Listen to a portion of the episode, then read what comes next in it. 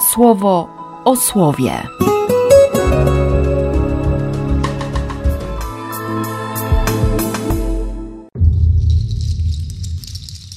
7 września, wtorek. Z listu do Kolosan. Jak zatem przyjęliście Chrystusa Jezusa, Pana, tak w nim żyjcie, w nim zakorzenieni i na nim zbudowani, i w wierze mocno osadzeni według otrzymanej nauki i zawsze pełni wdzięczności.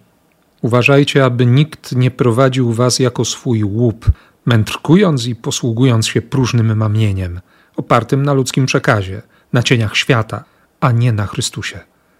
Przecież w nim mieszka cieleśnie cała pełnia bóstwa, i w nim, który jest głową każdej zwierzchności i władzy, otrzymaliście tę pełnię. W nim również przez odrzucenie grzesznego ciała przyjęliście obrzezanie nieludzką ręką dokonane, obrzezanie Chrystusowe. Jeśli przez chrzest zostaliście z nim złożeni do grobu, to w nim też wskrzeszeni zostaliście dzięki wierze w działanie Boga, który Jego wskrzesił z martwych. Was właśnie, choć byliście martwi z powodu występków i z powodu nieobrzezania się waszego ciała, was obdarzył życiem razem z Nim, przebaczywszy nam wszystkie występki. Ponieważ starł zapis z wyrokami przeciw nam, zapis nam wrogi, to również go usunął, przybiwszy go gwoździami do krzyża rozbroiwszy zwierzchności i władzę, wystawił je na publiczny widok, prowadząc je w nim jak w triumfie. Z Ewangelii według świętego Łukasza. W tych dniach udał się na górę, aby się pomodlić.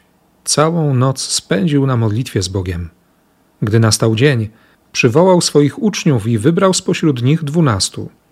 Nazwał ich apostołami: Szymona, którego nazwał Piotrem, i Andrzeja, jego brata, i Jakuba, i Jana, i Filipa, i Bartłomieja, i Mateusza, i Tomasza, i Jakuba, syna Alfeusza, i Szymona, nazywanego Zelotą, i Judę, syna Jakuba, i Judasza Iskariotę, który stał się zdrajcą.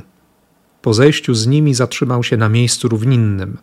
Była tam liczna gromada jego uczniów i wielka rzesza ludzi z całej Judei i z Jeruzalem i z nadmorskiego Tyru i Sydonu przyszli, aby go posłuchać i aby zostać uleczonymi ze swoich chorób. Uzdrowienia dostępowali także dręczeni przez duchy nieczyste. Cały tłum starał się go dotknąć, bo moc z niego wychodziła i uzdrawiała wszystkich. Jak przyjęliście Chrystusa, tak w nim żyjcie. Zakorzenieni, na nim zbudowani, mocno osadzeni w wierze. Uważajcie, żeby żeby nikt was nie poprowadził jako swój łup. I wreszcie to, że przez chrzest zostaliśmy złożeni do grobu i przez chrzest zostaliśmy wskrzeszeni. Że mimo bycia martwymi z powodu występków, On dał nam życie. Przebaczył wszystkie występki. I jeszcze ten czternasty werset. Starł zapis z wyrokami przeciw nam a właściwie usunął go, przybiwszy go gwoździami do krzyża. Informacje o wszystkich Twoich czy moich długach, to co mogłoby spędzać sens powiek, to wszystko zostało przybite do krzyża. A mimo to często słyszę w konfesjonale, jak bardzo wielu naszych braci, wiele naszych sióstr nie potrafi przyjąć przebaczenia Boga. Nie, nie wierzy w ten czternasty werset. Ciągle wracają do swoich grzechów spowiadają się z tego samego. Jakby nie umieli tego wypuścić. Nie? Wypuścić grzech, wypuścić to zło. Otworzyć ręce, niech to wszystko wypadnie, otworzyć ręce, żeby chwycić miłosierdzie, żeby się tak wczepić w serce Jezusa, że, że nikt nas od niego nie oderwie. Nie? To, co Paweł pisze w ósmym bodajże rozdziale listu do Rzymian. Mocno mnie trzyma to słowo. Tym bardziej, że od samego rana chodzi mi też po głowie ta pieśń napisana przez Kubę, do której kładłem piano. Zbudowani na Chrystusie. Tam było to połączenie listu do Kolosan, listu do Rzymian. Nikt nas nie zdoła odłączyć od Boga. Nikt. Ani ciebie, ani mnie. Mocno dziś wołam do Pana, abyśmy w to uwierzyli, abyśmy uwierzyli, że jesteśmy wybrani. Nie? że jesteśmy wezwani, tak jak tych dwunastu, o których pisze dzisiaj święty Łukasz.